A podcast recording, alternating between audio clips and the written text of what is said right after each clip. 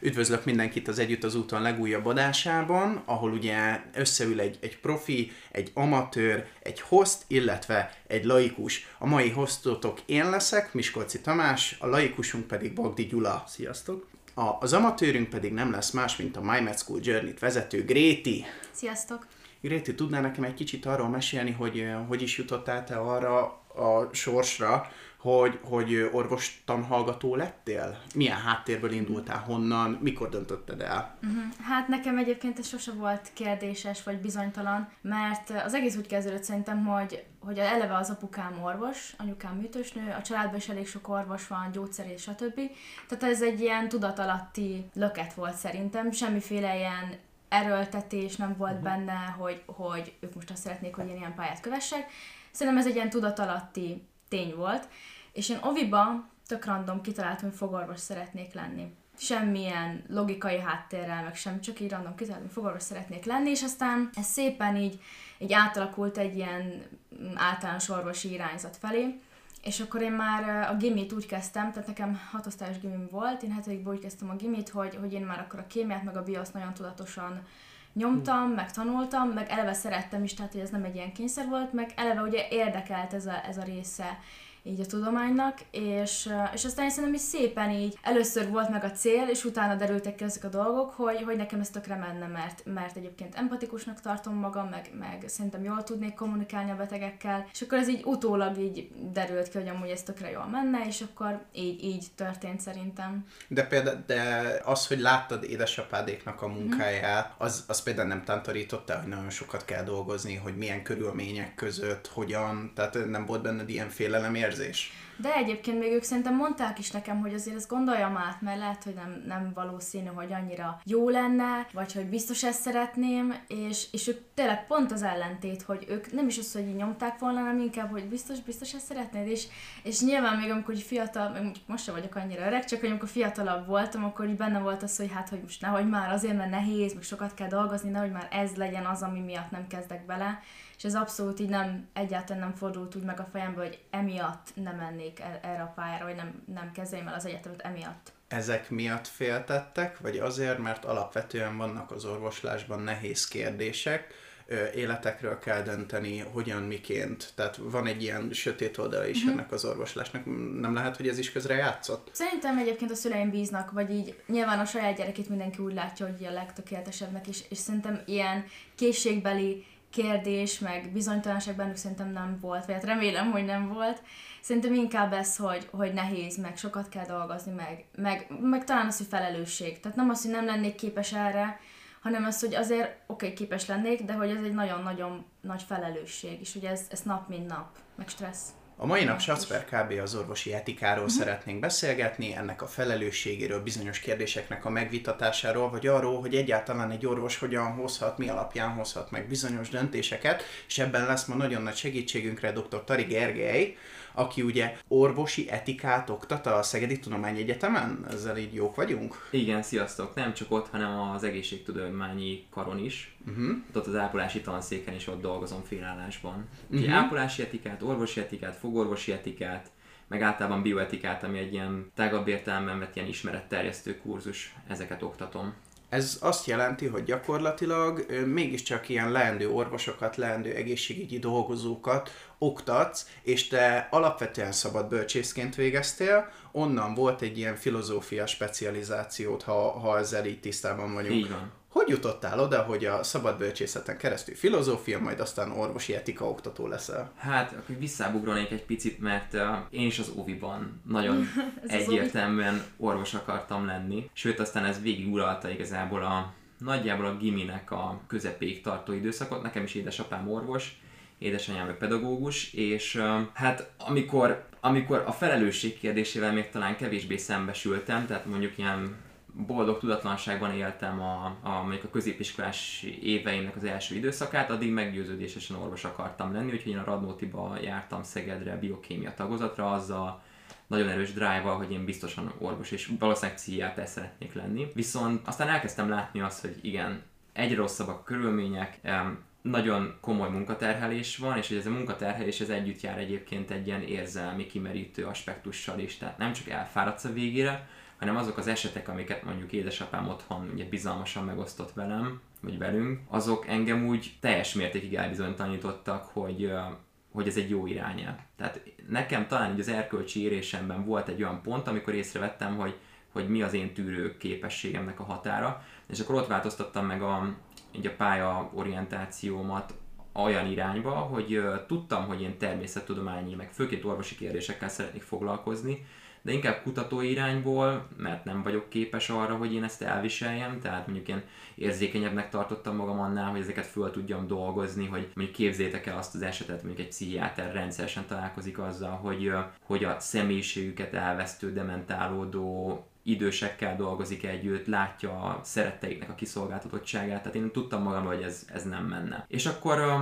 amikor jelentkeztem az egyetemre, akkor láttam, hogy van egy ilyen lehetőség, hogy szabad bölcsészet, ami egy éles pálfordulás volt, senki nem támogatott igazán abban, hogy én ezt az irányt válasszam, tehát volt egy olyan élményem a Radnótiban, amikor így a, az igazgató úr körbejárta a végzősöket, és kérdezte, hogy akkor milyen irányba jelentkezünk, és amikor mondtam, hogy ezt választottam, akkor csak ciccent egyet, és tovább ment, a környezetemben mindenki vegyész, orvos, gyógyszerész, ilyesmik akartak lenni, de én nekem nagyon erősen ez volt, a, ez volt a, az igényem. Na és akkor bekerültem oda, és volt egy bioetika oktatóm, a Krémer Sándor, aki, aki egy olyan aha élményt adott ezzel a kurzussal, ami abszolút meghatározta a pályaválasztásom. És aztán a PhD-met is ott végeztem az itteni Szegedi Filozófia Tanszéken, és ott már ki tudtam választani a szülészet nőgyógyászatnak a, az etikai kérdéseit, és um, így meg a pszichiátriának az etikai kérdéseit, tehát ott már nagyon egyértelműen az orvostudománynak a morális vonatkozásait vizsgáltam, és így kerültem tulajdonképpen képbe azzal, hogy hát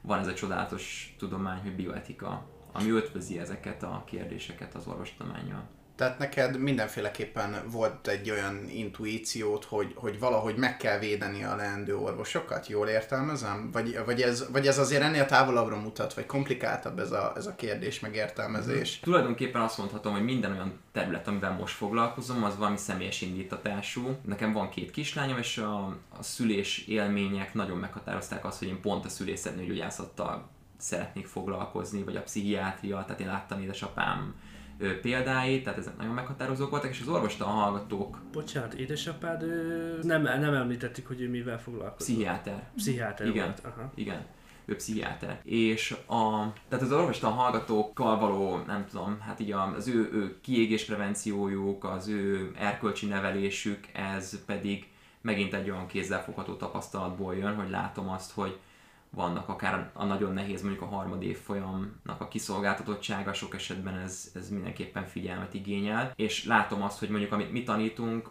akár mondjuk az én intézetemben, a Magatartástudományi Intézetben, tehát azok az etikai elvárások, amiket itt mi közvetítünk, az nem mindig automatikusan szövődik át a klinikusok irányába. Tehát van egy ilyen feszkó, hogy, hogy ki lehet fogni természetesen viszonylag könnyen nagyon jó gyakorlatvezetőt a klinikai mm, intézetekben, szerintem talán ez az általánosabb, de azért vannak olyan, olyan kihívások, amikor egy, egy a mi mi oktatási céljainkkal, meg, meg meggyőződésünkkel ellentétes szemléletet közvetít valaki, és akkor így foglalkozom az orvostan hallgatókkal, vagy hát ez hozta ezt az irányt. Gréti, te mint harmadéves, jó tudom? Igen. Harmadéves orvostan hallgató, hogyan tudsz erről a tényezőről vélekedni? Ugye nektek, ha minden igaz, akkor nincsen közös órátok, tehát ti, ti elkerültétek egymást, de, de itt ez nagyon fontos kérdéseket feszegetett a, a Gergő, hogy kiégésprevenció, hogy mm. erre, hogy erre titeket hogyan palléroznak, vagy készítenek föl. Készítenek-e föl egyáltalán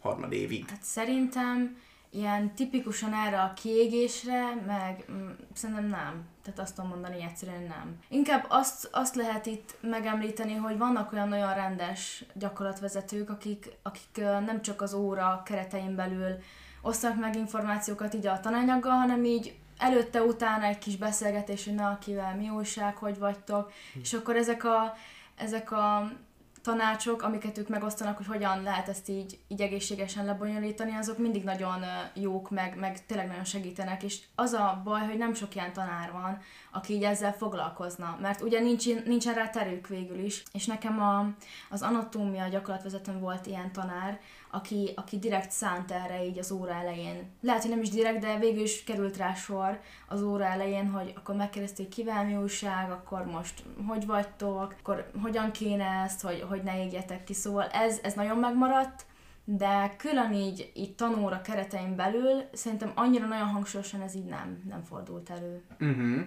Ilyen alapon viszont az, hogy minden óra elején megkérdezik azt, hogy hogy van, hogy érzitek magatokat, nagyon erősen összefügg a, az orvostudomány, vagy az orvostan hallgatóknak az oktatása a pszichológiával, és valahol itt csapunk hozzád vissza, Gergő, hogy, hogy ez tényleg tudhat pozitív hatást kifejteni? Tehát, hogy hol van a pszichológia és a bioetikának a határa, vagy, vagy a kapcsolata? Hát ahol én dolgozom, az ugye a Magatartástudományi Intézet egyrészt, ott van főállásom, és ez egy ilyen, hát most ez ilyen elcsépelt kifejezés, de egy ilyen abszolút holisztikus szemlélettel közelíti meg ezeket a kérdéseket, tehát inkább azt mondanám, hogy, hogy vannak a magatartástudományok, és ezt ilyen, ilyen puzzle kell elképzelnetek, ami, nem teljes anélkül, hogy mindegyik elem a helyén lenne, tehát mondjuk a kiégés prevencióban igenis helye van a bioetikának, mert meg általában mivel az etikának, tehát egy ilyen tágabb értelemben, mert ha, ha képzétek el azt a szituációt, hogy vannak ugyan írott normái annak, hogy hogyan kellene viselkedni a beteggel, mit lehet, mit nem lehet, tehát ezek a jó és rossz gyakorlatok egymástól el vannak papíron különítve, de hogyha ez nem tud átszövődni a gyakorlatba, például azért, mert nincsen elég orvos, vagy nővér, vagy rosszak a körülmények, akkor akkor megette az egészet a fene. Vannak olyan kutatások, amiből kiderül, pont tegnap volt egy konferencióról előhallottam, hogy befolyásolja például a hallgatóknak az attitűdjét az, hogyha egy tanteremben a szemetes az ki van ürítve, vagy nincs kiürítve. Tehát, hogyha az látszik, hogy egyébként a rendszer szinten vannak ezek a problémák, hogy mondjuk így dugig van a kuka, tök mindegy, hogy mivel, akkor a hallgatóknak az órai viselkedésében az agresszió az például sokkal mm, inkább jelen van.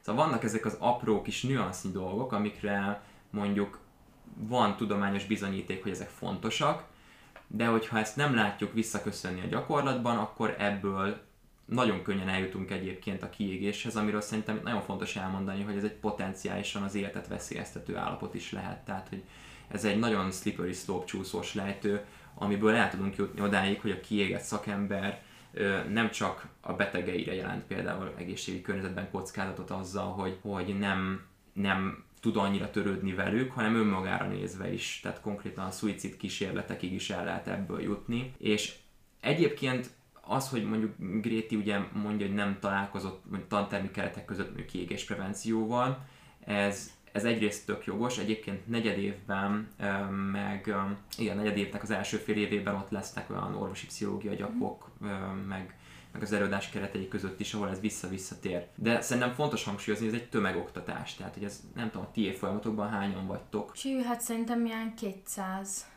Ja. Nem tudom pontosan, mert annyira évről évre annyira gyorsan meg sokat változik, hogy én szerintem kétszerben. Szóval gondoljatok bele abba, hogy mondjuk vannak X mennyiségű limitált gyakorlatvezető, akik egyébként gyakran klinikusok, tehát hogy Igen. a klinikai környezetben az, hogy az oktató oktathat, az azt jelenti, hogy kiszakad a betegellátásból. Tehát ez nagyon nehéz, ez egy szerepkonfliktus. És az elméleti intézetekben mondjuk jobban meg tudjuk ezt talán kérdezni, de de ez tényleg egy ilyen nagyon fontos dolog, és, és azt gondolom, hogy van, van kiégés megelőző ö, következménye, hogyha valaki gyakorlatvezetőként, oktatóként ennyire érzékeny, hogy, hogy tényleg megkérdezi azt, hogy hogy vannak. Mm. Gréti, akkor, amikor te bemész kórházi gyakorlatra, akkor te élő, lélegző e, emberekkel, betegekkel foglalkozol. Ott például hogyan kell viselkedned, hogy mennyire, mennyire kell figyelned arra, hogy, hogy te ott ténylegesen emberekkel foglalkozol, és hogy, és hogy ez mennyire tudhat nehéz lenni erre. Erre is odafigyelni, meg arra, hogy szakmailag esetleg az, amit csinálsz, az, az okés legyen. Hát személy szerint nekem szerencsém van, mert nekem nem kell annyira oda odafigyelni, hogy most akkor át kell váltsak, vagy erre tudatosan odafigyelni, hogy kell egy beteggel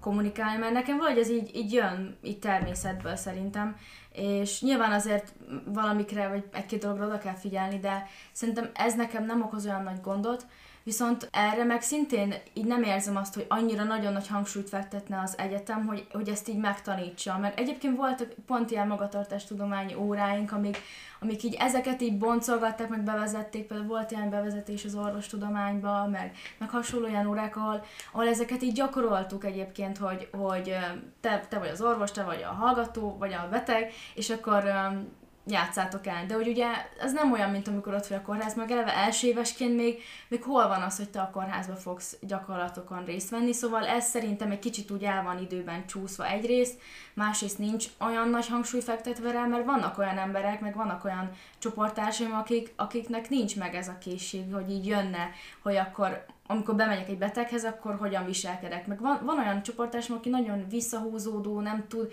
nagyon halkan beszél, nem érti a beteg, maszkban vagyunk, és akkor annyira kínos, hogy vissza kell kérdezni mindig, hogy tessék, hogy most akkor mit, mit, mit kérdezett. És akkor ezek tudnak kínosak lenni, és, és ezért mondom, nekem tök nagy szerencsém van, hogy ez nekem így, így jön magától, hogy hogyan kell ezt, uh-huh, ezt uh-huh. Uh, gyorsan kicsit fordítok egyet, mert en, nekem ugye még megütötte a film az, hogy annak ellenére, hogy te nem vagy orvos, kutatod magát ezt az egész orvoslást, illetve ennek egy bizonyos válfaját. Most bele fogok kérdezni, hogyan lesz hiteles a te kutatásod, tehát mint bölcsésztan hallgatóból az orvosi pályát, kutatván a filozófia hogyan tudja a mai orvoslást tevékenyen segíteni? Ez egy nagyon jó kérdés egyébként. Hát a, a leghitelesebb válasz az arra, e, erre az lenne szerintem, hogy azt gondoljuk, hogy azzal, hogy fejlődik a technika, azzal ki tudjuk iktatni ezeket a morális kérdéseket az orvoslásból, de be kell látni azt, hogy az, hogyha egy beágyógyász bemegy a korterembe, fölveszi magára mondjuk előtte a fehér köpenyét, ez mindegy egy ilyen úgynevezett normatív folyamat. Tehát az orvoslás az a, a jó definíciójával és a rossz definíciójával megküzdő munka vagy hivatás. Tehát amikor azt mondja egy orvos, hogy mondjuk egy terápiát be kell fejezni, vagy átváltani mondjuk egy fájdalomcsillapító terápiába, az aktív, kuratív, gyógyító terápiából, azzal implicite felhasználunk olyan olyan gondolatokat, hogy a betegnek már nem áll érdekében megkapni valamilyen kezelést. Tehát nem hasznos az ő részére valamit már megadni. De hogy mi az, hogy hasznos orvosi terápia, azt nem tudjuk egyszerűen leírni evidence-based, empirikus alapon. Tehát mindig benne lesz az orvosnak egy olyan attitűdje, hogy ő szerinte az már nem tekinthető hasznosnak. És ezért én úgy gondolom, hogy a filozófiának óriási szerepe van, még hogyha egyébként a tudományoknak a rangsorában szerintem méltatlanul alul is szerepeltetik, de az orvosképzésben sokkal nagyobb jelentőséget kell, hogy kapjon, mert, mert valahogy kiveszett a, egyébként a közoktatásból is már az a fajta ön, az erkölcsi énképnek a kiművelése már egészen kicsikorban el kell, hogy kezdődjön, ez nincsen meg. Tehát beérkezik a hallgató, egyébként gyakran azt kell, hogy mondjam, nem túlzásként, hogy sokan önkritikátlanul, tehát meg, beülnek akár a tantermi gyakorlatra, és tényleg nem tudnak kommunikálni sajnos. És sok esetben egyébként látszik az, hogy irrealisztikus elképzelései vannak egyes hallgatóknak arról, hogy, hogy az ő tudományos érdeklődése például egy kommunikációra erősen építő szakirány választása lenne, de hogy ez abból a mondjuk harmad-negyed éves perspektívából, ahol akkor tart, ez szinte lehetetlennek látszik. Tehát az, ahogy Gréti kommunikál már itt egyébként ebben a podcastban, ez így nagyon előrejelzi azt, hogy ő valószínűleg nagyon jól ki tud majd jönni az orvos, vagy az orvos kollégákkal is, ez is nagyon fontos, de a betegekkel is. Viszont ez nem, nem általános. Hogyan zajlik egy ilyen kutatás? Tehát mi a folyamata? És miért fontos az, hogy én most ebbe így belemertem kérdezni? Azért, mert én is érzékelem azt, hogy maga a filozófia, a szabad bölcsészet, maga a bölcsészet, és ilyen alapon a BTK shaming alapja, az azon múlik, hogy hogy, a, hogy az elméleti gondolkodás az kicsit mostanság háttérbe szorul. A mai világban, ami gyakorlatias, és minden kommunikáció béz, minden megtervezett, viszont emögött mindig motoszkál az az eszme, ami mindig a filozófiából, vagy valahogy a filozófiához eredeztethető vissza. És ilyen értelemben, ha azt nézed, hogy most is elmondod, hogy milyen jelentős az, hogy a szabad bölcsészet mit adhat, nyilván, hogy, hogyha valaki komolyan veszi és hivatásként kezeli, akkor mit tudhat adni még egy olyan komoly, társadalmilag is komoly elismerésnek örvendő szakmának, mint az orvoslás, akkor mindenféleképpen célszerű szerintem erről beszélni. Tehát mhm. térjünk vissza, most megmagyarázom, hogy miért tettem fel a kérdést. Hogyan zajlik egy ilyen kutatás? Hát a konkrét, konkrét kutatás, amiben én benne vagyok, nemrég elkezdtünk, ez a úgynevezett morális distress témát járja körül, ami abból szövődik egyrészt, amit már említettem, hogy van egy úgynevezett nyitott kurikulum, ami azt jelenti, hogy leírjuk azt, hogy mit kellene, milyen értékeket kéne képviselni egy orvosnak, hogyan kell tájékoztatni, mit gondoljunk az életvégi kezelésekről, az abortuszról, stb. Ezek úgy papíron megvannak. Viszont, hogy ez a gyakorlatban hogyan érvényesül, az, az egy egészen más kérdés. Na most a hallgató egy része, az belekerül egy olyan helyzetbe, amit ö, ami egy feszültséget okoz nekik. Mondok egy egészen konkrét példát, nem tudom, hogy esetleg találkoztál már ezzel a gyakorlatban, hogy olyan beteghez kell oda menni betegvizsgálat céljából, vagy csak úgy jelen lenni a betegvizsgálatnál, akiről nem tudod azt, hogy ő kapott erről tájékoztatást, hogy be fognak menni orvostanhallgatók, vagy hogy részt vehettek-e ebben a folyamatban, mert van ez a egyébként nem valós kép, hogy azzal, hogy a beteg egy úgynevezett oktató kórházat választ, azzal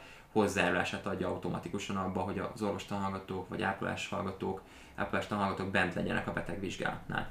Na, a BTK shaming mellett ez egy sokkal nagyobb sém, hogy a hallgatók belekeverednek ezekbe a ilyen, ilyen nagyon kellemetlen cringe helyzetekbe, hogy, hogy jelen kell lenniük, tehát nem tudnak kijönni ebből a helyzetből, mert a gyakorlatvezetők azt mondja, hogy gyertek be, mondjuk nézzetek végig egy abortusz, vagy gyertek be, itt a szülés. Talán egyébként a szülésnek a példája az, az ez egy rossz analógia, mert ott a legtöbb esetben úgy tudjuk, hogy hogy kérnek hozzájárulást a, a vajudótól, tehát bent lehetnek a hallgatók, de tényleg sok olyan visszajelzést kapunk, hogy, hogy van például egy altatott beteg, akihez oda kell menni, és és nem tudják azt, hogy, hogy adott-e hozzájárulás. Mert pedig a, ez az alapelv, hogy a betegnek van egyfajta szabadságjoga, egy önrendelkezése, az autonómia, ez egy filozófiai alapfogalom. Ennek van egy olyan gyakorlati megvalósása az ellátásban, hogy, hogy ők eldönthetik, hogy milyen kezeléseket kérnek, jelen lehetnek-e hallgatók, nem lehetnek-e, és ezeknek egyébként elvileg nem szabadna befolyásolni a kezelésnek a kimenetét, a bánásmódot, minden. A lényeg a lényeg, hogy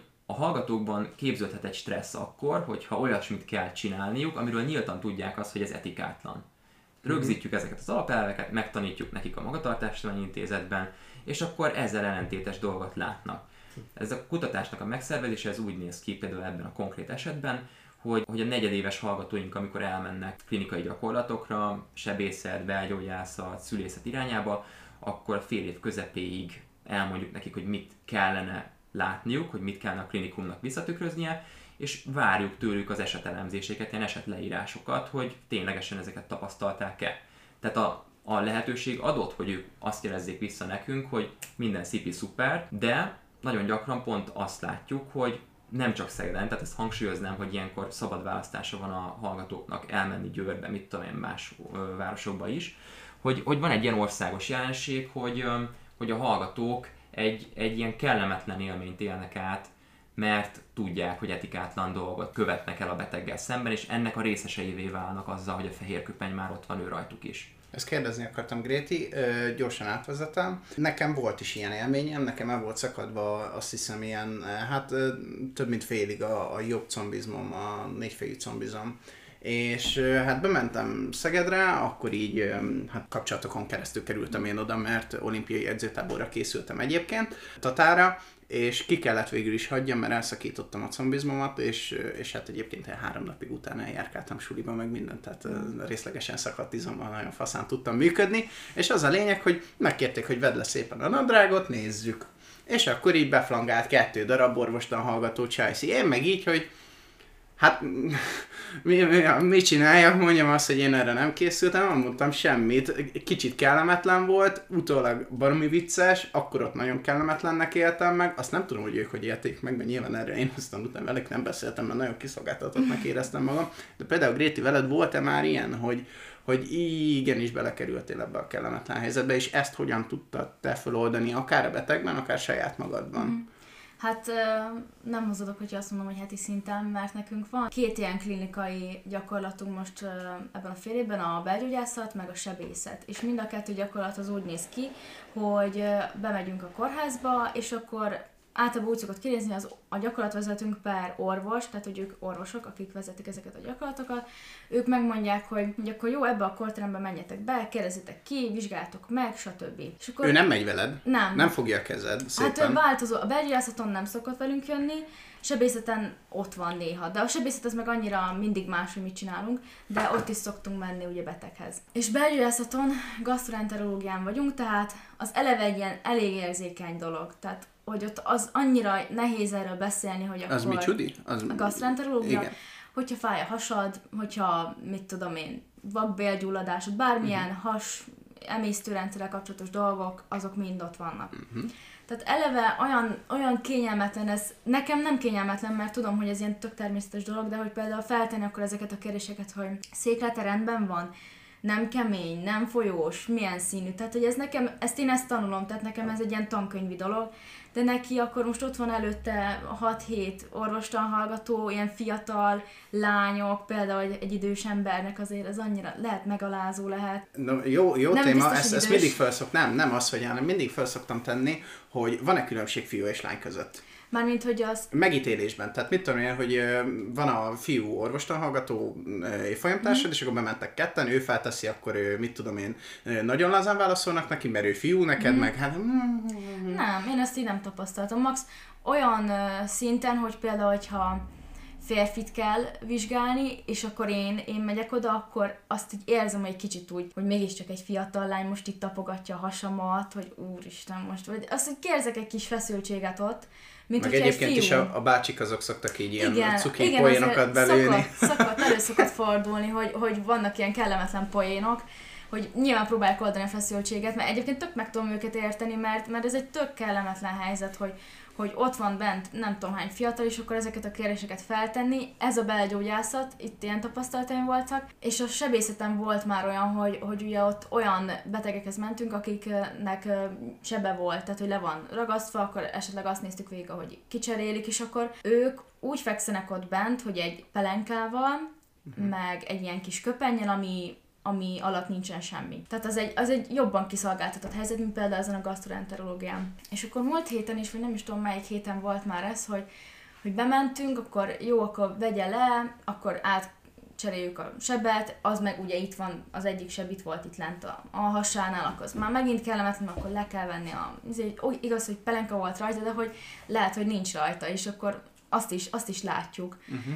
És ez egyébként nekünk is egy valamilyen szinten kellemetlen, mert még nem vagyunk hozzászokva, tehát hogy ez még nem nincs beépítve a mindennapokba, mert egyébként ez egy tök természetes dolog, hogy én, hogy én ezt látom. De neki meg, neki meg nem az, mert, mert mégiscsak nem tudom, tök sokan ott vagyunk a, a korteremben, és ez egy nagyon kellemetlen dolog. Én, én amikor kiszoktam menni, mindig megbeszéljük így a barátnémmel, hogy foly most szegény néni, hogy biztos így azt érzi, hogy, hogy mi ott nézzük őt, és hogy ez neki tök kellemetlen, holott mi nem, nem gondolunk erre, hogy úristen, hogy mit tudom én, milyen bugyi van rajta, vagy ilyesmi, tehát hogy ez nekünk meg se fordul a fejünkbe. Meg nem nézitek ti azt nem, ott úgy nem külön, is, csak úgy, csak figyelünk, van. Igen, figyelünk az orvosra, hogy mit mond nekünk, egy, az ilyen többi körülménnyel nem foglalkozunk. Tehát én magamban kiindulva nem foglalkozok ezekkel, mert meg nem is, tehát próbálom, hogy ha belenéz a szemembe, ne azt lássa, hogy egy pontot úgy fixálok, hanem hogy hogyan keresem a tekintetét, próbálok az arcára nézni, meg hogy érezze, hogy én most úgy nem bámulom őt.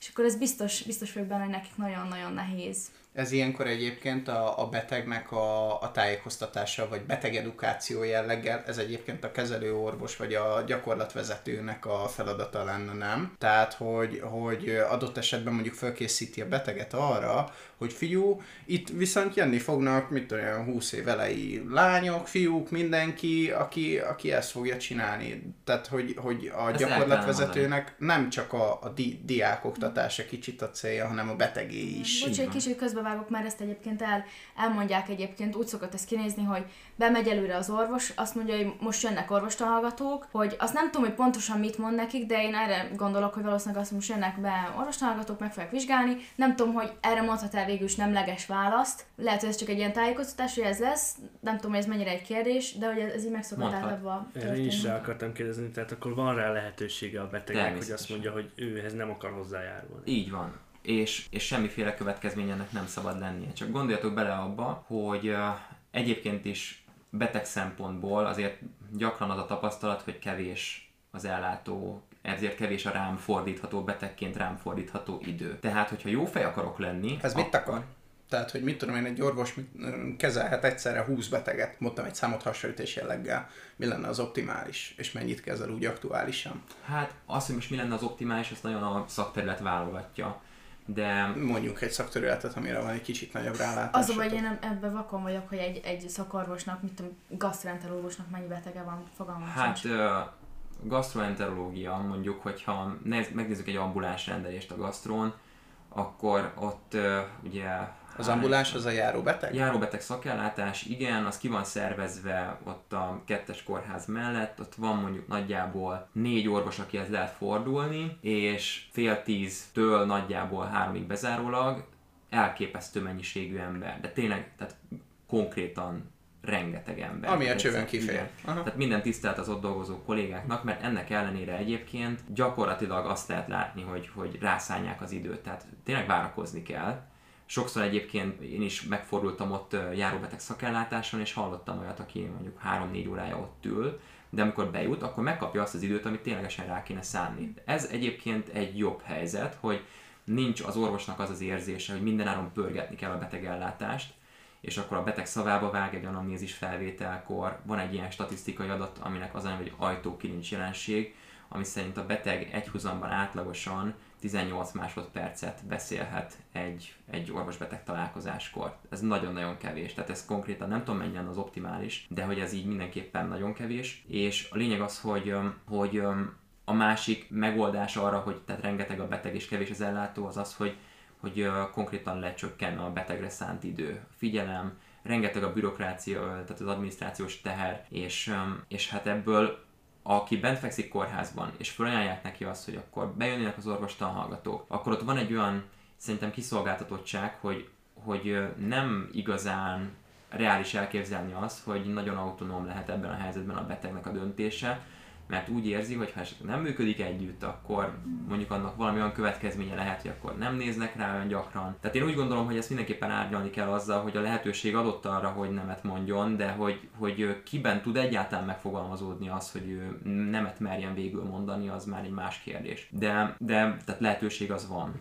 Uh-huh. De egyébként Értem. ilyen jól szituált betegeket választanak ki, én azt figyeltem meg, tehát hogy az orvosok is igyekeznek arra, törekszenek arra, hogy hogy tényleg olyan beteget választanak nekünk ki, aki, aki mit tudom én, tehát hogy, hogy nem tudom, jobb állapotban van, nem, a, nem, nem, a, nem a mély vízbe kerültek igen, be, igen. ahol egy az egybe megkapjátok igen. az egészet. Tehát erre van egy ilyen igyekezet, hogy, hogy azért mégiscsak ilyen mindenkinek kényelmes legyen. Az mennyire tudhat nehéz lenni, hogy alapvetően azok, de nem tudom, hogy hogy működik, csak most így belekérdezek a, na- a nagy valóságba, hogy orvostan hallgatóként ti olyan orvoshoz kerültök, aki valójában nem oktató, hanem uh-huh. orvosként funkcionál, és ez egy nagyon fontos kérdés az egyetem tekintetében, hogy tanítani egy tanító jellegű ilyen edukatív hajlamokkal rendelkező személy tud. Hiába lehet valaki baromi jó sebész, hogy, hogyha egyáltalán nincsen benne edukatív hajlam, ő nem lesz jó tanár, nem lesz jó mentor.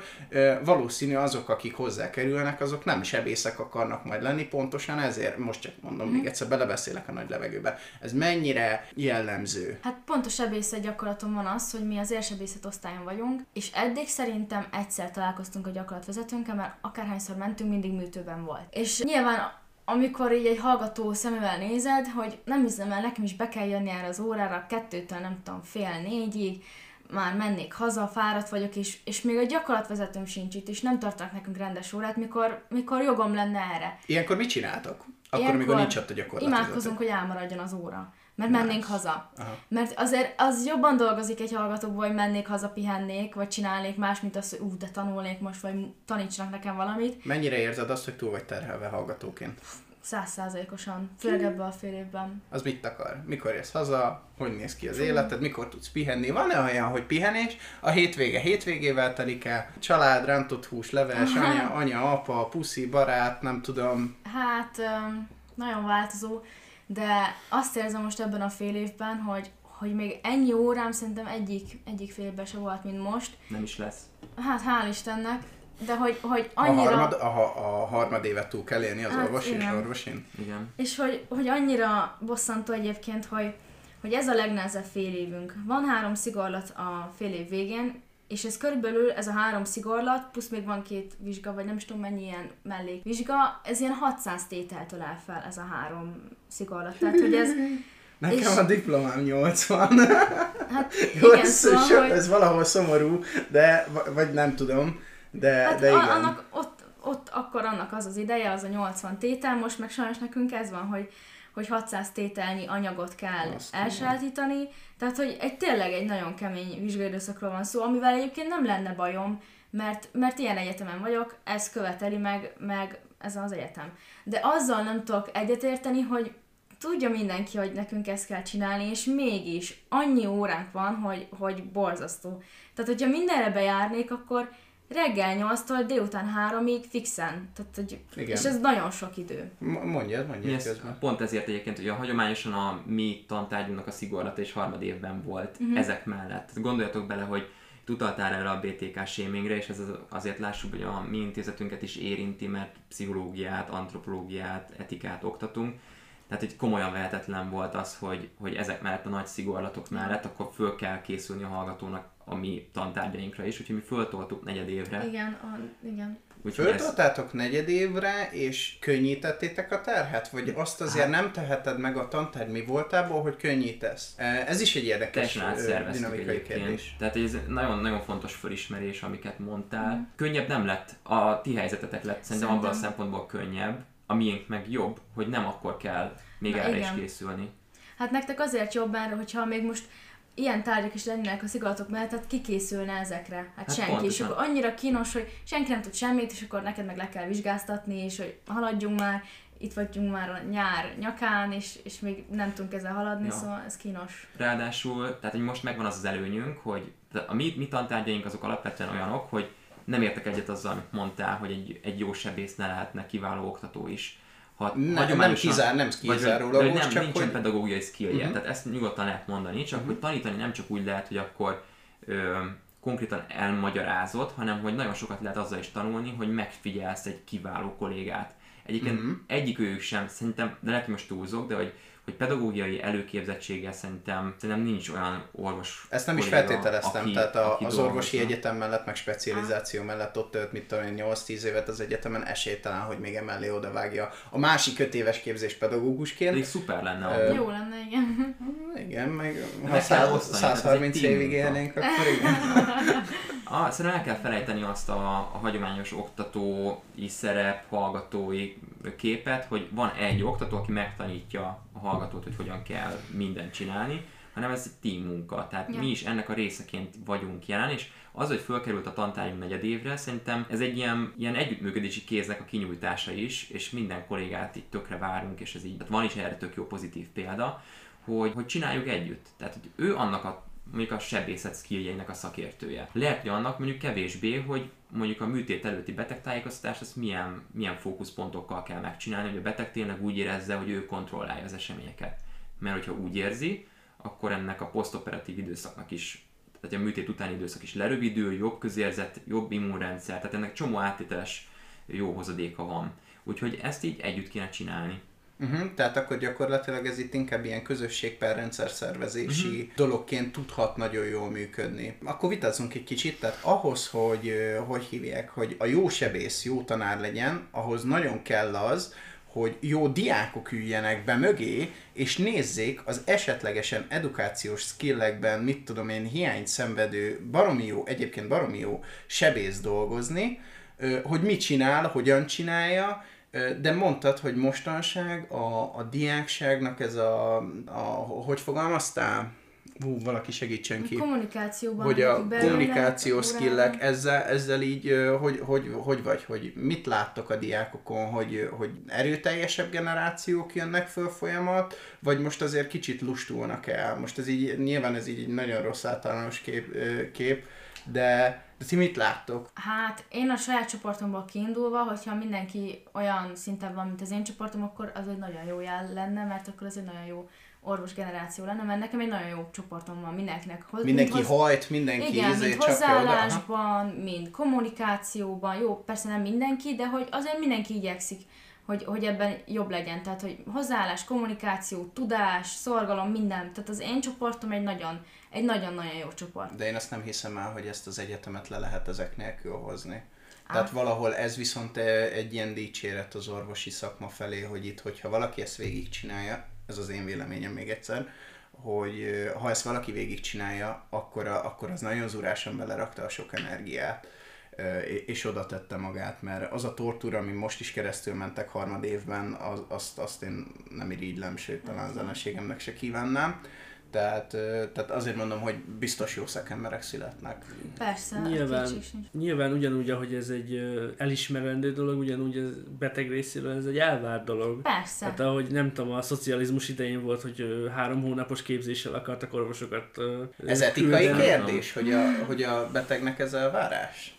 Hát abszolút. Tehát a betegeknek én úgy gondolom, hogy mostanában hát megváltozott a, a magatartása ebben a tekintetben, mert uh, szóval sokkal, sokkal tudatosabbak abból a szempontból, hogy így elvárják a, az ellátást. Igen, meg szerintem így lejjebb ment kicsit az, hogy, tehát, hogy most már nem annyira magától értetődő, hogy egy orvos kedves vele, nem, hanem, hanem az, hogy annyira sok rossz tapasztalata van már, hogy amikor végre találkozik egy ilyen kedves orvos, akkor úristen, hát, hogy hozzá menjél te is, hogy ő a legjobb, nagyon rendes volt, és akkor ezt úgy meséli, hogy mint hogyha ez nem lenne egyébként magától értetődő, hogy így kéne foglalkozni az emberekkel. Ez a kiégés miatt van. Tehát ez, a, ez az ember hiány okozta ö, enyhe kiégés állapota lehet, hogy, hogy egyre több lesz a betegekben a negatív tapasztalat. És... Részben. Aha. Részben igen, de, de másik részben pedig szerintem, most megint hazabeszélek, de hogyha megnézzük, hogy egy orvosi egyetemnek a teljesítéséhez, a diplomaszerzéshez nagyjából kell 360 kredit. Most lehet, hogy valamennyit csúszok benne, de nagyjából ez egy ilyen arányszámként jó. Ebből a mi intézetünkből, akik egyébként tényleg arra figyelünk, hogy hogy a, az orvos egy, egy olyan szerepben lehessen benne, amiben jól tud kommunikálni, empatikus, tehát ezek az attitűdök, ezek, ezeket kifejlesszük. Erre jut 14 kredit, tehát ez 4 a a 360 kreditnek, ami orvosi etika az 1,1%-nyi kreditérték a 360-ból. Szóval, hogy mennyire reális az, hogy mondjuk az orvos a végzés után belekerül a rendszerbe, és akkor tudja hozni ezeket az elvárt dolgokat, például a kedvesség. Most ez, mm. ez, is, ez is egy filozófiai fogalom. Tehát most Mi, mit jelent kedvesnek lenni? Ja. De egyébként meg a mi köreinkben, úgy hallgatóköreiben ezek a magtudos tárgyak, ezek a, meg ez a magtud intézet, hogy annyira mindig az, hogy az én tárgyam a legfontosabb nekünk, annyira, mit, tehát, hogy mi ezt érzékeltük, vagy nekünk ez lett mondva végül is, nem is az, hogy ezt érzékeltük, hanem a többiek, felsőbbévesek ezt mondták nekünk, hogy ezek a magtudos tárgyak, hogy mennyire feleslegesek, mennyire, mennyire mm, a hátunk közepére se kívánjuk őket, és egyébként őket is meg lehet érteni végül is, mert egy orvostan hallgatónak mennyire sok tárgya van már, ami, ami mind fontos egyébként végül is, és ezek is nagyon fontosak lennének, csak hogy nyilván valahogy így lettünk programozva, hogy ezek a, vagy ez lett megtanítva, hogy ezek a magatartás tudományi tárgyak, ezek, amiket hanyagolni kell, pedig egyébként az jön le így utólag, hogy, hogy lehet, hogy nem ezt kellett volna hanyagolni, meg lehet, hogy többet kéne erre fektetni. Csak hogy nincs rá keret, nincs idő, tehát hogy mikor. Meg energia. Rossz hát ez az. Egyébként ez, ez tény, Rosszul hogy, van elosztva. Hogy, hogy én azért örülök, hogy az én tantárgyam az, az negyed évben van, mert most például a, az előadás, tehát elfelejthetjük szerintem, erről nem beszéltünk még, de hogy, hogy mennyire, mennyire működik még az előadásnak a, a szisztémája. Tehát egy, egy ilyen nagy tantermi előadás. Nem tudom, például sebészeten hányan vagytok az előadáson? Á, vagy, ez vagy péntek reggel nyolckor van, tehát az egy rossz kiinduló pont. Sebészet, tehát itt most nem a magatartástalányiról beszélek, hanem sebészet. De vagy egyébként érdekes, mert, mert például a sebészet belgyógyászat, én azt most úgy érzékelem, hogy nekünk ebben az évben az a legkevésbé hangsúlyos. Mert, mert mit tudom én, a belgyógyászat szigorlat hatod évben van. Tehát, hogy nekünk most a patológia, mikrobiológia korlettan van, ami nagyon-nagyon fontos, amiből a három szigorlat van. Nekünk a sebészet belgyógyászat az most nem fontos, mert nem, abból nem lesz most szigorlat. Abból uh-huh. már később lesz, tehát ez most nem. És aztán meg amikor oda kerülünk, hogy na, akkor szigorlat... Hogy szigorlat, akkor meg már kéne, nem, kéne igen, ez, ami kéne ezeket van. tudni. Aha, de nincsen hozzá És nem tudjuk, igen. Keret. A kérdés, hogy ez mindkettőtökhöz nem segítene esetleg hogyha a képzést így kicsit megnyújtanák mondjuk egy évvel? Hát Tudom, hogy alapvetően az orvos képzés is eleve, tehát ugye, hogy nem is tudom, hogy van, hogy van az általános orvosi képzés, Igen. utána van a van a rezidensi képzés. képzés, és akkor utána tudsz egyáltalán valamerre menni? Hát nem, nem, az úgy van, hogy elvégzed az egyetemet, utána már mész valahol, tehát utána már mész dolgozni. Na de várjál, az általános orvosi képzés után végzed el az egyetemet, az a diplomázás, tehát... vagy a rezidensi képzés után végzed el az egyetemet? Nem, úgy van, ez a hat év, ezt elvégzed, lesz egy diplomád, egy általános orvosi diplomád, utána tudsz mindenből egy nagyon kicsit, és elmész kardiológiára, elmész, mit tudom én, idegsebészetre és akkor ott megtanulod, amit ott kell tudni. De az egyetem során tanulsz belgyógyászatot, sebészetet, mert mindenből egy nagyon kicsit, meg van ilyen is már, hogy urológia, nőgyógyászat, tehát egy kicsit specifikusabb is, de nem fogod, tehát ott fogod megtanulni, amit tudnod kell a szakmádhoz. Ez azért kell, hogy el, meg tud hozni azt a döntést, hogy merre specializálódsz tovább? Szerintem végül is igen, hogy, hogy mindenből láss egy kicsit, és aztán el tudod dönteni, hogy na, akkor én ezzel szeretnék foglalkozni, elmész oda rezidensnek, ott x évig képeznek téged, mint rezidens, és aztán teszel egy szakvizsgát, és utána leszel szakorvos. A rezidensi képzés az olyan, hogy beülsz egy tanterembe, és akkor van elméleti képzésed is, vagy azért ott, ott már úgy néz ki, hogy mész a dokival, és akkor uh-huh. szépen írod magadnak otthon a jegyzetet, de egyébként gyakorlati tudást kapsz ott már direkte a, a szakorvostól. Hát ideális, ideális esetben ez így lenne, hogy most így utóbb, az Aha. utóbbit leírtad, hogy, hogy mész az orvosoddal, és akkor ő tanít téged, próbálkozol, aztán utána hazamész és tanulsz. Ez lenne az ilyen idealizált dolog, de hát, hogy ez a valóságban tök nem így van. Uh-huh. Meg bocsi, hogy, hogy ezt még befejezem, hogy, hogy itt is annyira le vannak terhelve az orvosok, hogy én megkérdeztem apukámat, hogy ez állítólag úgy megy az a rezidens képzésem, hogy nekem ez egy ilyen nagyon ilyen homály, hogy, hogy hogy is van ez, és annyira sok sebből vérzik szerintem, hogy itt lennének orvosok, akik ki vannak jelölve, hogy ők csinálják, ők bonyolítják le ezt a rezidens képzést, és ők állítólag ezért kapnának plusz jövedelmet. Csak hogy egy ilyen normális esetben meg úgy néz ki, hogy mindenki foglalkozik egy kicsit a rezidenssel, meg úgy senki. És akkor Aha. És, és ez a rezidensen is múlik nagyon, hogy ő mennyire, mennyire lelkes, mennyire csinálja, mert, mert vannak olyanok, akik nem, akik nem csinálják, és nem mennek, és, és várják, hogy jöjjön a szakvizsga, Szóval ez is, ez is egy nagyon sok, nagyon sok kérdés felvet ez a rezidens képzés szerintem. Ráadásul van elméleti tantermi része is. Igen? Igen. Hát én erről hát újra kezded majd, és akkor minden tantárgy, ami egyébként Igen. intézet szinten itt van a karon, Na, az, az ott így van, és akkor vannak ilyen rezidensi törzsképzési napok, amik, vagy azt hiszem egy két hetes tanfolyam, amikor el kell menni, és mm. akkor kiszakadsz az osztályról a kiszakadás, mivel kevesen vagytok, az meg nem annyira egyszerű. Na ez az. Igen, amúgy tényleg most, hogy mondod, uh, van ilyen. Van. Igen. És egyébként, csak így visszacsatolva, tehát amikor jönnek, jönnek a rezidensek, és találkozok azokkal, akik mondjuk harmad, negyed évben nálunk voltak, akkor mondják, hogy na most értettem meg, hogy, hogy egyébként amiket mondtál, az miért volt fontos. Ja. Mert hogy most mi alapján választ egy beteg orvos, nyilván egyébként nincs egy olyan adatbázis, amiből tudná keresni, hogy, hogy mondjuk a mit tudom, bérrezekciós műtétnél a szövődményei ennek az orvosnak hány százalékban voltak meg, vagy, vagy a másiknál hogy, és akkor ez alapján összehasonlítva kiválaszthatná az orvost. Zárójelben egyébként most már ugye nem is lehet orvost választani. Mm. Ö, ez a hiány miatt van? Hát a, ez egy rendeleti úton szabályozott kérdés, és a jogalkotónak nem kötelessége megindokolni, hogy miért hozta ja, ezt. Aha. Úgyhogy mm. nem tudjuk, feltételezhetjük, de Uh-huh. Tehát, hogy ezek a bioetikai kérdések, a, ezek gyakran biopolitikai kérdések is, és nem igazán értelmezhető, hogy, hogy mit miért tesz a jelenlegi kormányzat. Igen, kezdve ez már csak spekuláció. Igen, de a mindenkorira ez ugyanígy igaz, tehát ö, sosem volt igazából a kultúrája annak, hogy társadalmi párbeszéd előzze meg ezeket a, ezeket a döntéseket, egészségpolitikai döntéseket. A lényeg a lényeg, hogy tehát nem könnyű kiszakadni a rezidens képzésből, mert kevesen vannak a, a az orvosok, ápolók. Nekem kettő darab témám van még, az egyik a levezetés, a másik pedig nem más, mint hogy kicsit beszélgessünk már, ha már ö, bioetikával foglalkozol, te pedig orvostan hallgató vagy, akkor Gréti, tudnál le nekem egy ilyen bioetikailag megosztó témát felhozni? Ugye Gergő korábban említette, mit tudom, az abortuszt, az mm. eutanáziát, beszélgessünk erről egy kicsit, hogy ti hogy tanultak, mit tanultak, te választatod ki, hogy milyen területen játszunk. Hú, uh, amúgy nekünk most így visszacsatolva az előzőekhez, voltak ilyen óráig, már nem tudom melyik órán, de hogy ezeket, pont ezeket vetettük fel, hogy abortusz, eutanázia, hogy akkor ki mit mondana. Hát e- Egyet jelölj meg. Abortusz. Abortusz, Nőként legyen. ez talán közelebb áll hozzá. Jó, Gergő, hozzád fordulok. Mi az abortusznak a, a legnagyobb társadalmi kérdése, ha van ilyen e, esetleg? Kicsit erről beszélgess. Van, van egy ilyen időtlen kérdése ennek, ami miatt nem tudjuk el, ugye az alapkérdés az,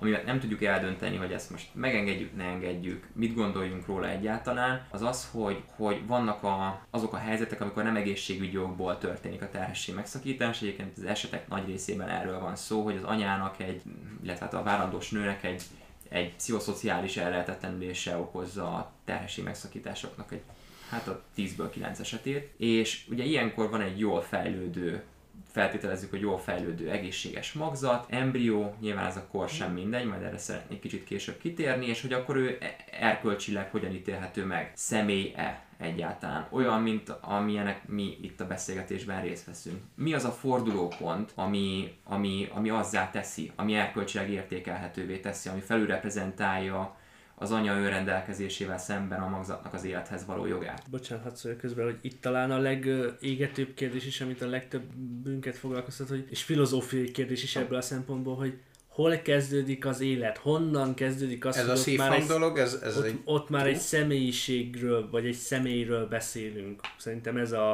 a, a kérdés, ami ebben a témában a leg... Hát így, ez, ez egyik talán. legnehezebb, igen. És igen, legnehezebb igen, is, igen. igen. Ezt nem tudjuk megválaszolni, tehát ezt be kell látni, hogy ez sem egy tudományos kérdés, vannak tudományos narratívák erre, de hogy amikor ezt, ezt egy érvben megfogalmazzuk, akkor ez így keverni fogja a tény, tényítéleteket az értékítéletekkel. Tehát amikor én azt mondom, hogy szerintem az élet a fogamzás pillanatában kezdődik el, mert tudjuk azt, hogy ekkor egyesül a spermium a petesejtel, akkor ez egy, ez egy ilyen nagyon nehezen, nehezen kritizálható álláspont, mert benne van az, hogy én érzem így. Amikor valaki azt mondja, hogy szerintem például az agykérgi működés megindulásával kezdődik el, mert tudom azt, hogy egyébként az ingerületek, az érzületeknek a kialakulásának az előfeltétele az, hogy működjön az agykéreg, és ekkor kezdődik a személyiség, vagy az élet erkölcsileg, semmi különbség Megint erősségében. a szó, hogy szerintem. Mm-hmm. Igen, ezek, ezek ilyenek. És itt utaltál a, a szívhangra, tehát hogy ilyen, van, van most a szív, nevezzük szívhangrendeletnek, ami itt így bejött. Igen. Um, ez egy ilyen nagyon, nagyon hát aggályosnak tartható etikai, bioetikai nézőpontból ez a, ez a rendelet mindenféle átpolitizáltságától függetlenül több okból kifolyólag is. Ugye Gréti nálam ezt biztosan sokkal jobban tudod, hogy így mondjuk embriológiailag mondjuk a szívhangnak a megjelenés ez körülbelül mikorra tehető. Fogalmam sincs, hát az anatómiából tanultuk még ezer éve is, és az embriológia sose volt a kedvencem, szóval ezt nem tudom pontosan. Ez a hatodik hét. Uh-huh. Tehát azelőtt nem nem beszélhetünk szív, szívfejlődésnek. Nagyon nyilván ugye működik a szívfejlődés, be van ugye kódolva, hogy ez majd megtörténik, de hogy amikor szívhangot tudunk egyébként meghallgattatni, az, az gyakorlatilag, az, az a hatodik hét, ekkor a szívcső fejlődik ki. Tehát, hogy morfológiailag az, ahogy ez kinéz, az egyáltalán nem olyan, mint egy újszülötté, vagy mondjuk a miénk. Ez egy, ez egy szívcső, amiben van egy pulzáció, amit egy ilyen Doppler ultrahanggal meg lehet mutogatni. Na most ugye itt magzati szívhangról beszélünk, az embryonális és magzati kor közötti határvonal szakirodalma válogatja, de nagyjából a tizedik hét. Tehát ez a szívhang rendelet, ez úgy szövődött át a köznyelvi értelemben, hogy szívhang megmutatása kötelező az abortusz végrehajtása előtt azokban az esetekben, hogyha nem az anyának az egészségügyi vészhelyzete okozza ezt, vagy nem nem magzati fejlődési rendelségről beszélünk. Szívhangot akkor is meg kell mutatni, hogyha nem erőszak áldozata lett a az érintett nő. Tehát képzeljétek el, hogy egyébként is van mondjuk egy traumatizáció, és még, megint csak azt mondom, hogy köznyelvi értelemben véve ez a törvény az azt jelenti, hogy a nőgyógyásznak a terhesség megszakítás előtt meg kell mutatni a szív hangot. A, ez nem egy lehetőség, ez egy kötelező. Ez kötelező. A... Ezt nem lehet elutasítani, uh-huh. ezt, a, ezt a lehetőséget. Ugyanakkor hogyha az ember elolvassa, hogy mi van ebben a rendeletben, akkor szívhang kifejezés egyetlen egyszer sem szerepel benne. Tehát szerintem nagyon aggályos az, hogy egyrészt nem előzte meg ezt az egész rendeletalkotást egy, egy, egy vita, társadalmi vita, nem tudjuk, hogy tükrözi például az ellátóknak vagy a társadalomnak az attitűdjét az, hogy ezt így elvárjuk. Nincsen evidence-based alapja annak, hogy ez visszatartó erővel rendelkezik, például a nem, nem kívánt terhességek vonatkozásában, vagy aki már várandós, majd emiatt fogja meggondolni magát. Nem tudjuk előrejelezni, már itt az ötödik ujjamat mutogatom, hogy, hogy például ez milyen traumatizációt okozhat például abban, aki egyébként egy óriási krízis, helyzet, krízis helyzetbe kerül, mert arra jut, hogy ő neki akkor a terhesség megszakítást kell választania. Ami egyébként biológiailag is egy mechanikai ö, beavatkozás, tehát nem Igen. feltétlen van pozitív ö, hatása. Nem csak stressz, hanem hogy terrorizálod gyakorlatilag a női testet. Hát a stressz azt úgy értem, hogy ilyen, ilyen mechanikai stressz. Igen. Ö, Gréti, amikor te ezt felhoztad, akkor te azt mondtad, hogy nő létedre, ez, ez neked fontos téma. Itt mit értettél az alatt? Alapján, hogy, hogy nő létedre fontos ez a téma? Hát végül is azt, tehát hogy közelebb áll hozzám végül is, mert velem is megtörténhet egy hasonló szituáció. Um, szerencsére még nem kellett így ebben nagyon komolyabban belegondoljak, mert nem kerültem ilyen, ilyen szorított helyzetbe, hogy most ezen nekem el kell gondolkodjak. Azt tudom hozzáfűzni a témához mindenféle ilyen politikai mentességgel, hogy, hogy, hogy nőként jó érzés, hogy, hogy vannak jogaim, hogy, hogy tudok dönteni, és ez egy ilyen témában is jó, jó, hogyha egy nő tud arról dönteni mindenféle külső körülmény nélkül, hogy ő mit szeretne a saját testével. Én csak ennyit tudok ez így hozzáfűzni.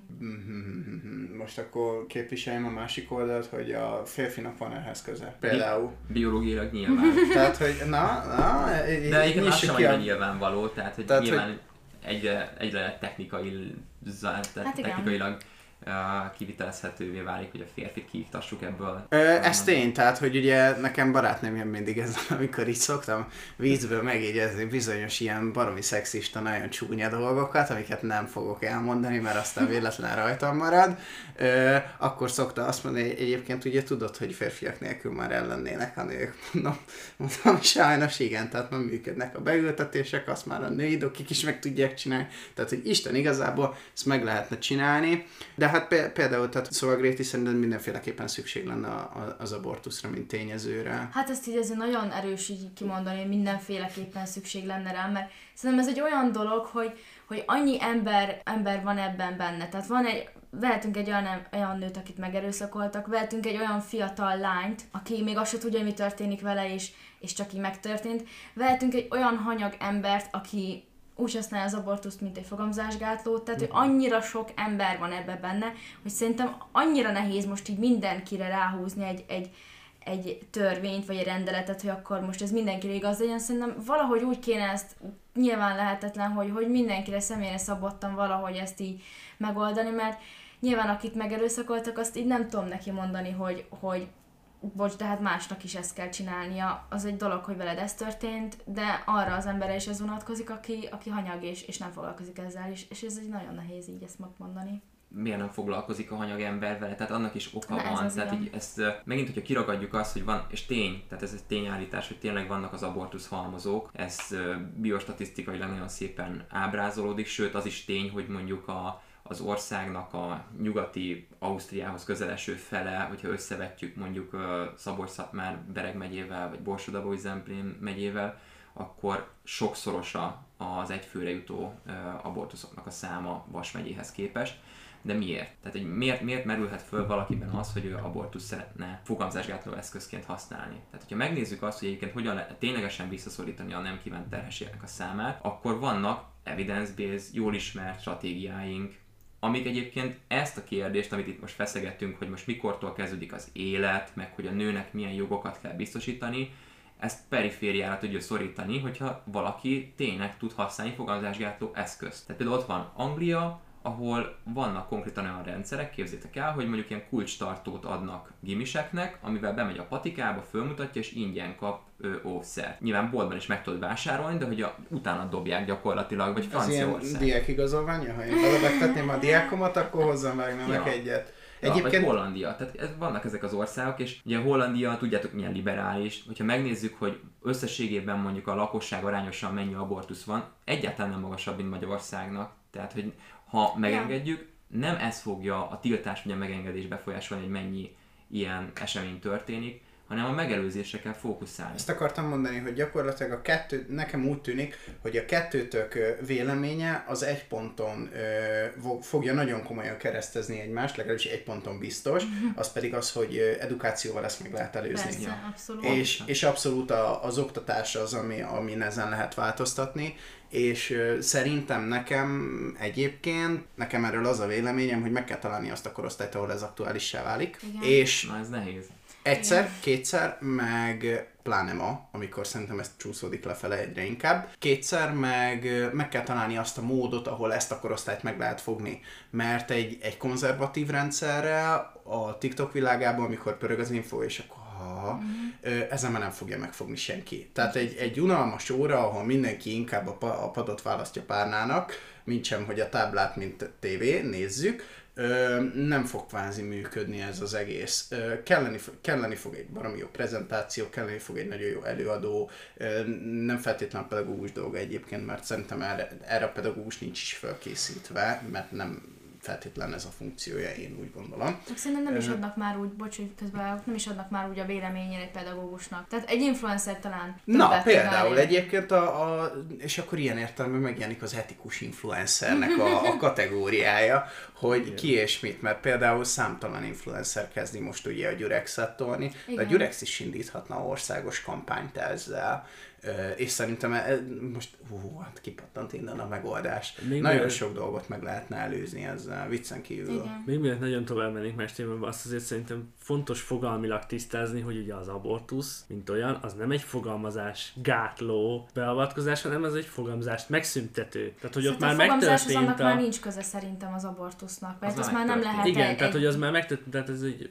tehát ott már fejlődik a, Igen. a mi fajunkhoz tartozó embrió, valamilyen Igen. fejlődési fokban van. De egyáltalán nem mindegy, hogy milyen, milyen fejlettségi fokban van. Tehát hogy a test tudatosság, most a nőiséggel kapcsolatban, tehát nem csak a fogamzásgátlási tudatosság, hanem hogy így megismerje a, a, a, a lány, a fiatal lány azt, hogy hogy működik a teste, ez iszonyatosan fontos. Úgyhogy uh, nyilván az is nagyon lényeges, hogy legyen egy etikus influencer, de hogy a Durexnél per pillanat nyilván van egy ilyen egy ilyen gazdasági érdek, hogy ők tolják most ezt. Én úgy gondolom, hogy azzal lehetne itt valamit előrevinni, hogyha ezt a gazdasági érdekeltséget ki tudnánk venni. Tehát Szerintem ameddig Magyarországon nem lesz finanszírozva a fogamzásgátlás, addig, addig annál lejjebb, mint ahol most tartanak a terhesség megszakítások számban, nagyjából évi olyan 20 ezer, most be fog csúszni szerintem egy picit alá, hmm. annál lejjebb nem nagyon fogunk tudni menni. Volt olyan, amikor 90 ezer volt. Uff. Azt uh, képzeljétek el.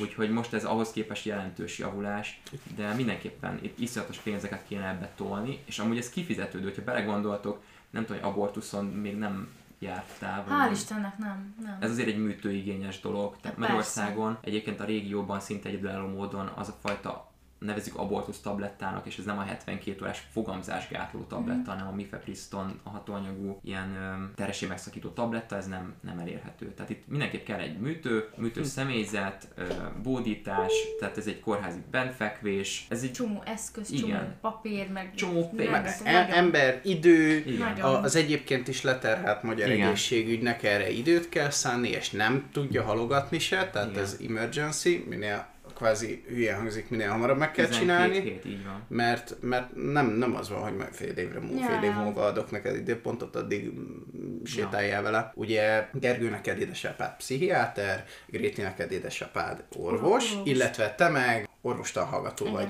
Jó, mit láttok? Hogyan tud az ember a mindennapi terhektől megszabadulni? Hogyan tud levezetni? Akár édesapád, akár te, akár te Gergő, és mint édesapád, tehát édesapád is találkozik kirívó esetekkel, nehéz esetekkel, a terhekkel. Hogyan tudnak ettől megszabadulni? Hogy tud kikapcsolni? Szerintem egyébként most ebben a mi generációnkban kezd úgymond ez menő lenni, hogy ezzel is foglalkozzunk, hogy mentális egészség, meg stb. És egyébként ehhez képest én azt látom apukámon, hogy ő nagyon modern módon csinálja ezt. Tehát én azt várnám egyébként az ő generációktól, hogy ők ezzel nem foglalkoznak, hogy hát ez van, ilyen a munkám, el kell fogadni. Ő mennyi idős most, bocs? Ú, 57 éves. Uh-huh.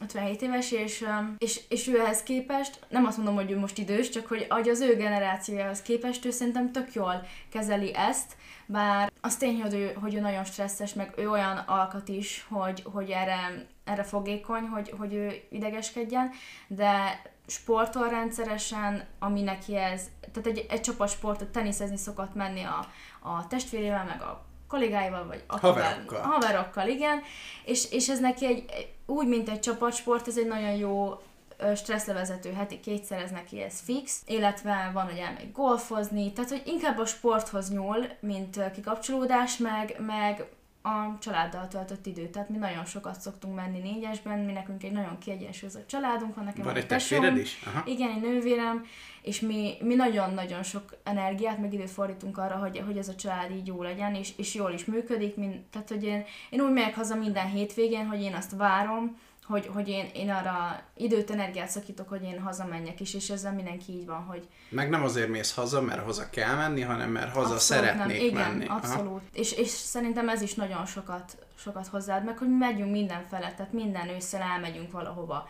négyesben, minden nyáron elmegyünk valahova négyesben, és hogyha van úgy idő, tavaszi szünetben, hétvégéken megoldjuk, hogy, hogy elmenjünk. Szerintem ez is nagyon sokat hozzáad. És hogyha a magam nevében beszélek, akkor, akkor nekem egyértelműen a sport, és, és e, most kezdek úgy jobban ráállni arra, hogy tényleg elengedjem, hogy erre muszáj időt szakítsak, és hogy, hogyha tanulni kell, akkor is. Tehát én nagyon hajlamos vagyok arra, hogy voltam arra, hogy hogyha vizsgai időszak van, akkor, akkor nem sportok, mert nincs rá időm. Attól függetlenül, hogy szeretnék, nincs rá időm. Meg begubózódsz. Igen, aha. igen, és, és ezt el kell engedni, hogy, hogy egy fél órám a napban biztosan van arra, hogy elmenjek sétálni. Az, az is már valami. És hogy ezt így ilyenre rájönni, hogy, hogy oké, okay, hogy fél óra a napomból, de mennyi plusz hozzáad egyébként, hogy, hogyha azt a fél órás sorozatozással töltöm, akkor az is végül is pihenés, meg, meg jobban esik feküdni otthon, mint hogyha most elmennék fél órára futni, vagy sétálni, de akkor is, hogyha hazaérek, meg úgy hosszú távon sokkal jobb lesz. Hát süt a nap, meg fúj a szél, Persze. és teljesen más érzés. Ha? Persze, egyrészt akkor ugye a sport nekem, barátok, ugyanígy a család nekem is. És van olyan, hogy egy nagy vizsga után, most például, ha majd letudod a fél mhm. évet, akkor ugye azt hiszem harmadolónak hívják, vagy fele, felező, felező, felező, felező, igen. Igen, végül is akkor a, ez is egy ilyen... A, a felező az azért nagyon kemény buli szokott lenni ott igen, az orvosi karon. Igen, ilyen, ilyen mentőkihívós téma általában mindenféle. Ott azt mökédi mindenki, mint atom paksot. Igen, igen. igen, ez kemény, kemény buli. Az, az nem is inkább ilyen stresszlevezető, az inkább egy ilyen ünneplés, egy megérdemeljük, egy ilyen mérföldkő. Pontosan. Tehát a, igen. De fontos, hogy megéljétek ezeket hát a mérföldköveket. Abszolút. Gergő, nálatok ez hogy volt, vagy te, hogy, hogy küzdesz meg ezekkel a mindennapi nehéz téma kutatással? Volt, volt idő, amikor nem, nem küzdöttem meg vele, de azt úgy nem nagyon lehet föntartani, tehát azt így, lehet, hogy te így hanyagolod, de a tested az nem felejti el, tehát hogy nagyon hamar az ember ilyen pszichoszomatikus tüneteket tud produkálni, és nyilván ezek ilyen, ilyen jelek lehetnek, tehát amikor én is így észrevettem, hogy fáradékonyabb vagyok, meg, meg idegesebb, tehát így ez ilyen romboló. Tehát ilyen, amikor ezt így észrevettem, akkor én is, tehát így TRX sport, nyilván ez nagyon fontos, ez teljesen tudok csatlakozni, meg ami nekem nagyon sokat segített, az a filozófia, és most ez így, tehát a filozófiának a gyakorlati részei, hogy van egy olyan irányzat, amit így nagyon elfeledünk, hogy, hogy mennyire fontos a pillanat, tényleg most nagyon közhelyesnek hangzik, tudom, de hogy a pillanatra fókuszálni. Olyan nincsen, hogy mondjuk éppen egyébként nagyon magad alatt vagy, vagy történik valami rossz, de hogyha körbenézel, akkor ne tudnál észrevenni valami pici jót, és ez, ez nagyon fontos. Tehát ezeknek az apró jó dolgoknak a tudatosítása, benne maradni a pillanatban. Nem azon stresszelni, hogy mi volt, vagy mi lesz. Ez, ez, egy, ez egy ilyen életfilozófiai alapállás, ami elsőre nagyon nehezen megy, de rá lehet állni, és én nagyjából egy éve ezt csinálom, hogy azért tényleg nyomasztó tud lenni, amikor az ember benne marad a kutatás, így pörög tovább az agya, biztos mindenkivel előfordul, hogy nem tudsz kikapcsolni, esetleg este is így pörögsz, nem tudod leállítani, és mondjuk így belefeledkezem abba, hogy nézem, hogy a két kislánya mondjuk így legózik. Hogy mit építenek, akkor oda megyek, együtt csináljuk, tehát nekem ez, ez nagyon, nagyon sokat ad, tehát ez a pillanatban maradás, ez, ez egy jól gyakorolható ilyen sztoikus filozófiai cucc, és hát azért is kérdeztem, hogy édesapát hány éves, az enyém ő 65, ő most megy majd nyugdíjba, hogy, hogy ezek a generációs különbség a stressz megküzdésben, ez nagyon, nagyon érdekes látni, hogy, hogy a család az tényleg állati fontos ja. szerintem is, és hogy a, a, az idősebb generációnak nevezzük így, amiben akkor mondjuk így, most minden pejoratív háttér nélkül, de akkor ők így beletartoznak, a család az egy nagyon, nagyon központi szervező eleme a stresszel való megküzdésnek, és hogy amúgy ez egy kincs, hogy mondjuk ti itt vagytok, de hogyha megnézzük, hogy például milyen mondjuk az orvosi elvándorlás, vagy akár tényleg ez a fajta ilyen munkavállalási migráció innen Magyarországról el. Tehát, hogy az, a szüleink, korabeli emberek sokszor így a stresszel egyedül maradnak, mert hogy nincsen opció arra, hogy a a családdal próbálják ezt feldolgozni. Úgyhogy ö, szerintem mondjuk a mi szüleink is ilyen szempontból szerencsések, hogy mi itt, mármint hogy az én, nekem is van egy tesóm, tehát hogy mi itt vagyunk így nekik az én szüleimnek, hogy tudjuk tartani személyesen is a kapcsolatot. De amit így látok, tehát apukám ő már inkább a sport nézésével vezeti le. De minden, mindenkinek kell valamit, tehát hogy a test az nem felejt, az, azt meg kell jegyezni, hogy... A, a család, mint hátország kérdésköréhez hat. Kérdés is egyben, de valahogy hozzászólni inkább, hogy ugye kirívó eset esetnek mondanálak, én azt mondom, és tényleg egy nagyon szép dolog az, hogy ö, nektek ilyen jól működik a család, de sokaknak van, akinek ez nem adatik meg sajnos. Mm. Hogy... És azok fordulhatnak rosszabb esetben, ugye a dohányzás, mm. alkohol, stb. Hát itt igen, itt az addikció Egyébként igen, tehát ez a következő. Lássuk be, telefonaddikció, nem is beszélünk szóval. róla. Nem tudom, hogy nektek mennyi a napi képernyő időtök. Fú. Sok. Nekem négy óra. Most szoktak küldeni. Nekem is ilyen négy, négy. Négy, kettő. Van, amikor kettő és fél. Külföldi csoportjaimban ott uh, van, tehát van ez a fogalom, hogy, uh, hogy uh, tehát ez a smartphone addiction, és uh, ezt így kutatja egy kolléganőm, a kis Hedvig, és ennek apropóján beszélünk csoportokkal. Én külföldi csoportokban is oktatok, és képzétek el, hogy tök rutin az, mondjuk egy angol évfolyamon, multikulti, hogy ilyen 10 óra Uh. És amikor megkérdezem, hogy oh, biztosan hogy tanulsz vagyok rajta, ébren. igen, biztos tanulsz rajta, és akkor ezért ilyen magas, és nem, hanem tehát a, a közösségi média használat. Ez veszélyes. Tehát ez már tényleg túlzás, és ezt így nem veszük észre, hogy igazából minden arra predestinál, hogy egészen kicsi kortól fogod, egy státuszszimbólum is, megveszed, mm. megveszed az újat, és ez a szervező elve a mindennapidnak, és azért lássuk be, mindannyian megtapasztaljuk, hogy instant élvezet is. Tehát, mm. hogy elmehetsz futni, de hogyha leülsz egy picit és megnézel egy YouTube videót, vagy meghallgatod ezt a podcastot, elterelődik a figyelmed. Mondjuk ezt mindenki hallgathatja egyébként, tehát ez nem számít képernyőidőnek. Igen. Igen. De hogy ez, ez egy levezeti a stresszt, és ezért nagyon, tehát olyan, mint az alkohol egyébként, csak nem tudjuk, hogy per pillanat ez milyen veszélyes. Egyébként én, én saját magamat ilyen 10 órára előttem volna, mert tehát én nagyon sok kontentet fogyasztok, meg én eleve ö, számítógép előtt ülve dolgozok, azért látszik, hogy itt mindjárt három képernyő van mm-hmm. Igen, tehát 10-12 óra van, hogy eltelik egy nap, úgyhogy vagy a telefont, vagy a laptop képernyőjét, vagy a monitoromat nézem, és akkor ö, eltelik se perc alatt. Gergő, te jelen vagy-e valahol a social médiában? Már mint privát felhasználóként igen, de... Vagy nem de tudom, mint content, content creator. Ja, uh, hát nem, nem igazán, egyáltalán nem, inkább úgy fogalmazok. Egyébként van egy podcast, amiben részt szoktam venni, azt Ez... megnevezed nekünk? Igen, igen. Van egy ilyen M- MTA Tudományos Akadémiának egy ilyen lendületkutató csoportja, amihez néha én is hozzászólok, és ennek a nincsen konkrét neve, bioetika podcastként a YouTube-on egyébként elérhető, és abortusz, pszichiátriai etika, életvégi döntések, tehát minden nagyon szerintem izgalmas és, és releváns közéleti etikai kérdéssel foglalkozunk. Na, szóval akit ez a téma érdekel, az mindenféleképpen láss, látogasson el az előbb említett uh, YouTube oldalra. Gréti, téged pedig hadd, mutat, hadd mutassalak be, mint My Med School Journey, megtaláljátok Instán. Ott miféle tartalmakkal találkozhatunk, Gréti? Fú, tanulós, motivációs, mm, most már egyet több ilyen sporttal kapcsolatos tartalom is, vagy hát igyekszem azt is beépíteni, de leginkább az, hogy, hogy azon alapszik az egész, hogy én megosztom, hogy mit csinálok, és ezzel próbálom motiválni a többieket is, hogy tanulják és nyomják. Kövessétek a Grétit, láthat, ha végighallgattátok az adást, akkor ö, észrevehetitek azt, hogy meglehetősen komoly tapasztalata van komoly hmm. anyagoknak a földolgozásában, úgyhogy hogyha megnéznétek a munkásságát, akkor a My Med School Journey Instagram oldalon meg fogjátok találni, sőt most már talán YouTube oldala is Igen, van, hogyha, ha, ha én maradhatok így up to date. Gyula, neked van valami hozzáfűzni valahol? Én csak annyit szeretnék mondani, hogy kövessetek minket Spotify-on, Instán, iratkozzatok fel a YouTube csatornánkra, írjatok egy algoritmus pörgető kommentet, azt nagyon szépen megköszönnénk. És egyébként zárójelben van lehetőség a, a Spotify ö, file alatt ö, kérdéseket feltenni az adott tagokhoz, akiket, amiket mi eljuttatunk oda, és akkor írásban meg tudjuk válaszolni, vagy esetleg Reels formában közvetítjük a válaszokat, ha gondoljátok. Ha pedig ránk vagytok kíváncsiak, mint hoztokra, akkor nézzétek meg az első három részt, vagyis a kis minisorozatunkat. Így van, mi vagyunk az útvesztők, egy, kettő, három alatt megtaláljátok. Köszönjük szépen, hogy ma is velünk tartottatok, tartsatok velünk talán legközelebb is, hát ha kitalálunk ebből az útvesztőből. Sziasztok! Sziasztok! Sziasztok! Sziasztok!